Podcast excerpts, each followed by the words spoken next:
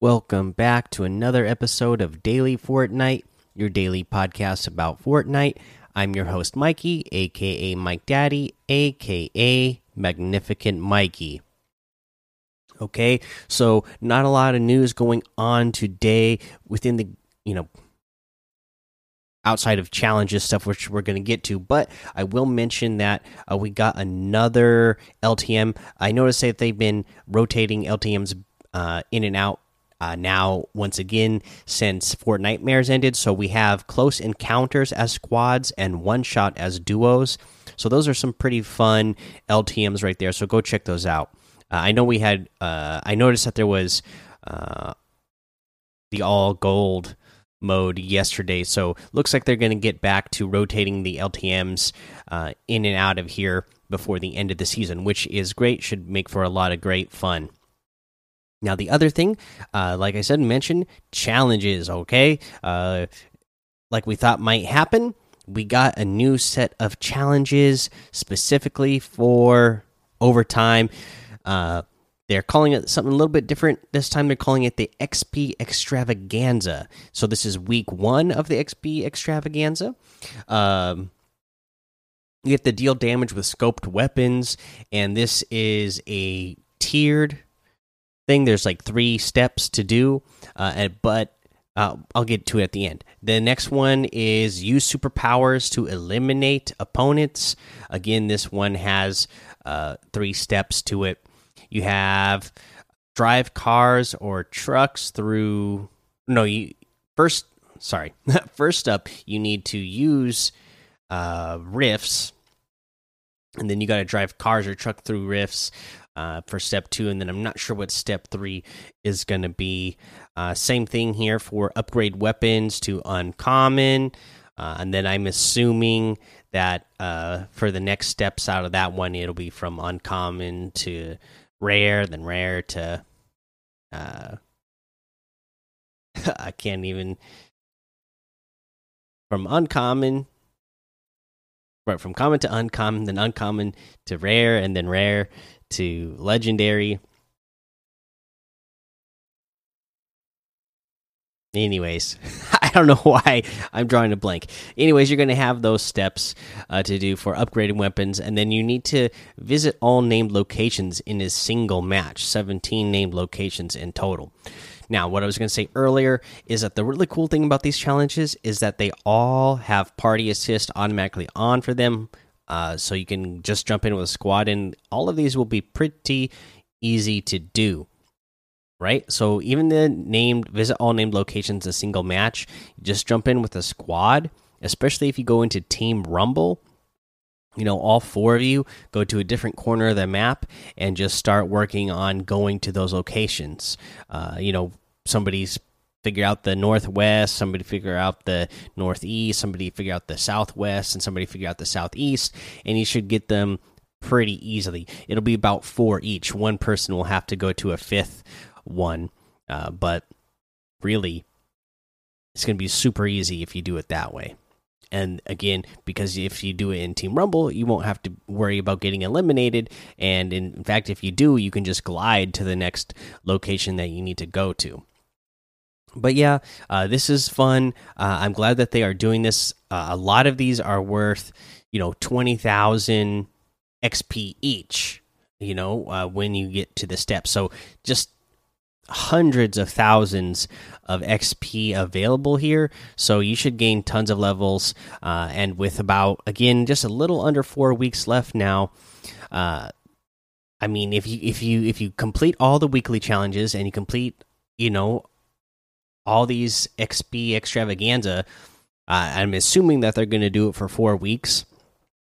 You know, if we if we get all of those, uh, you know, uh, and you just play the game, the games out naturally.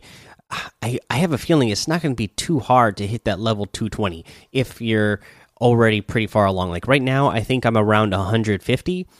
Uh, so that's 70 more levels to go, which normally I might be kind of worried about it at this point, but with all this extra stuff going on, I'm not that worried about it. I feel like it should be pretty easy to get to 220 and get that uh, foil, uh, the uh, uh, Wolverine. the the last one that you can get. So I'm excited about that. Uh, you know, I've I've been so busy at work. I thought I would have been a lot farther along than I am right now.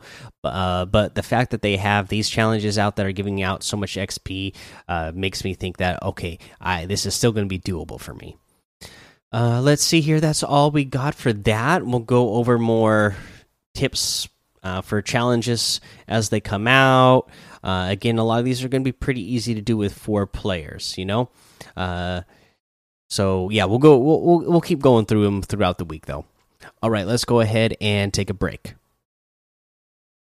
All right, now let's go over today's item shop. First up, they still have all the Origins um, set still in here, so all those OG Fortnite uh, outfits and gliders still there. Don't forget, you can still claim that uh, free pickaxe as well. So don't forget to do that. Now let's go over the rest of the item shop. You have the red jade outfit for 800 V bucks. Big fan of this one. You got the bunny wolf outfit with the heart grid back bling for 1500. The lion outfit with the diamond grid back bling for 1500. The neonimal wrap for 500. Uh, we have the Cuddle Cruiser Glider for 800, the Cuddle Paw Harvesting Tool for 800, the Cuddle Camo Wrap for 300, the Bear Force 1 Glider for 1500, and the Cuddle Team Leader with the Cuddle Bow Backbling for 2000. Love that one. Uh, let's see here. You got the Vix outfit with the Whisker Pack back bling and the built in spin out emote for 1500. This is another great outfit.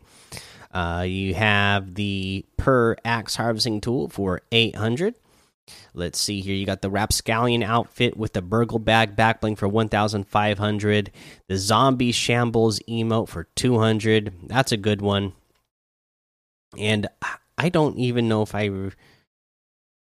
I think they put it out like the one time. You think this would have been out more often during Fortnitemares, but uh, I think it was only out once, uh, but is back already.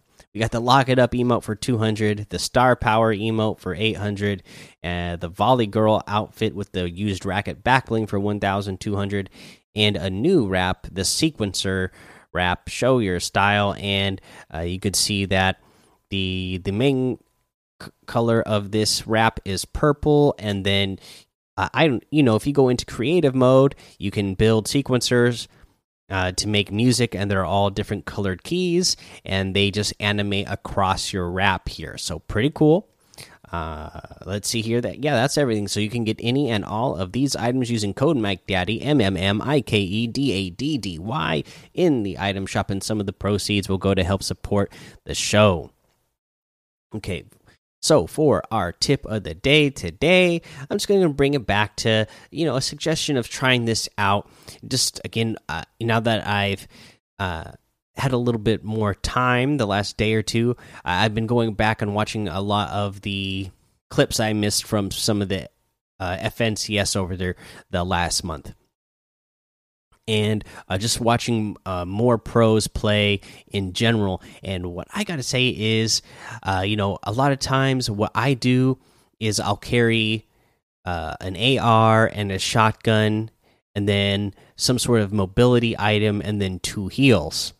Well, you know, mobility is so important that I see a lot more people carrying two items of mobility. So try try changing your loadout up a little bit and just carrying one item of heals.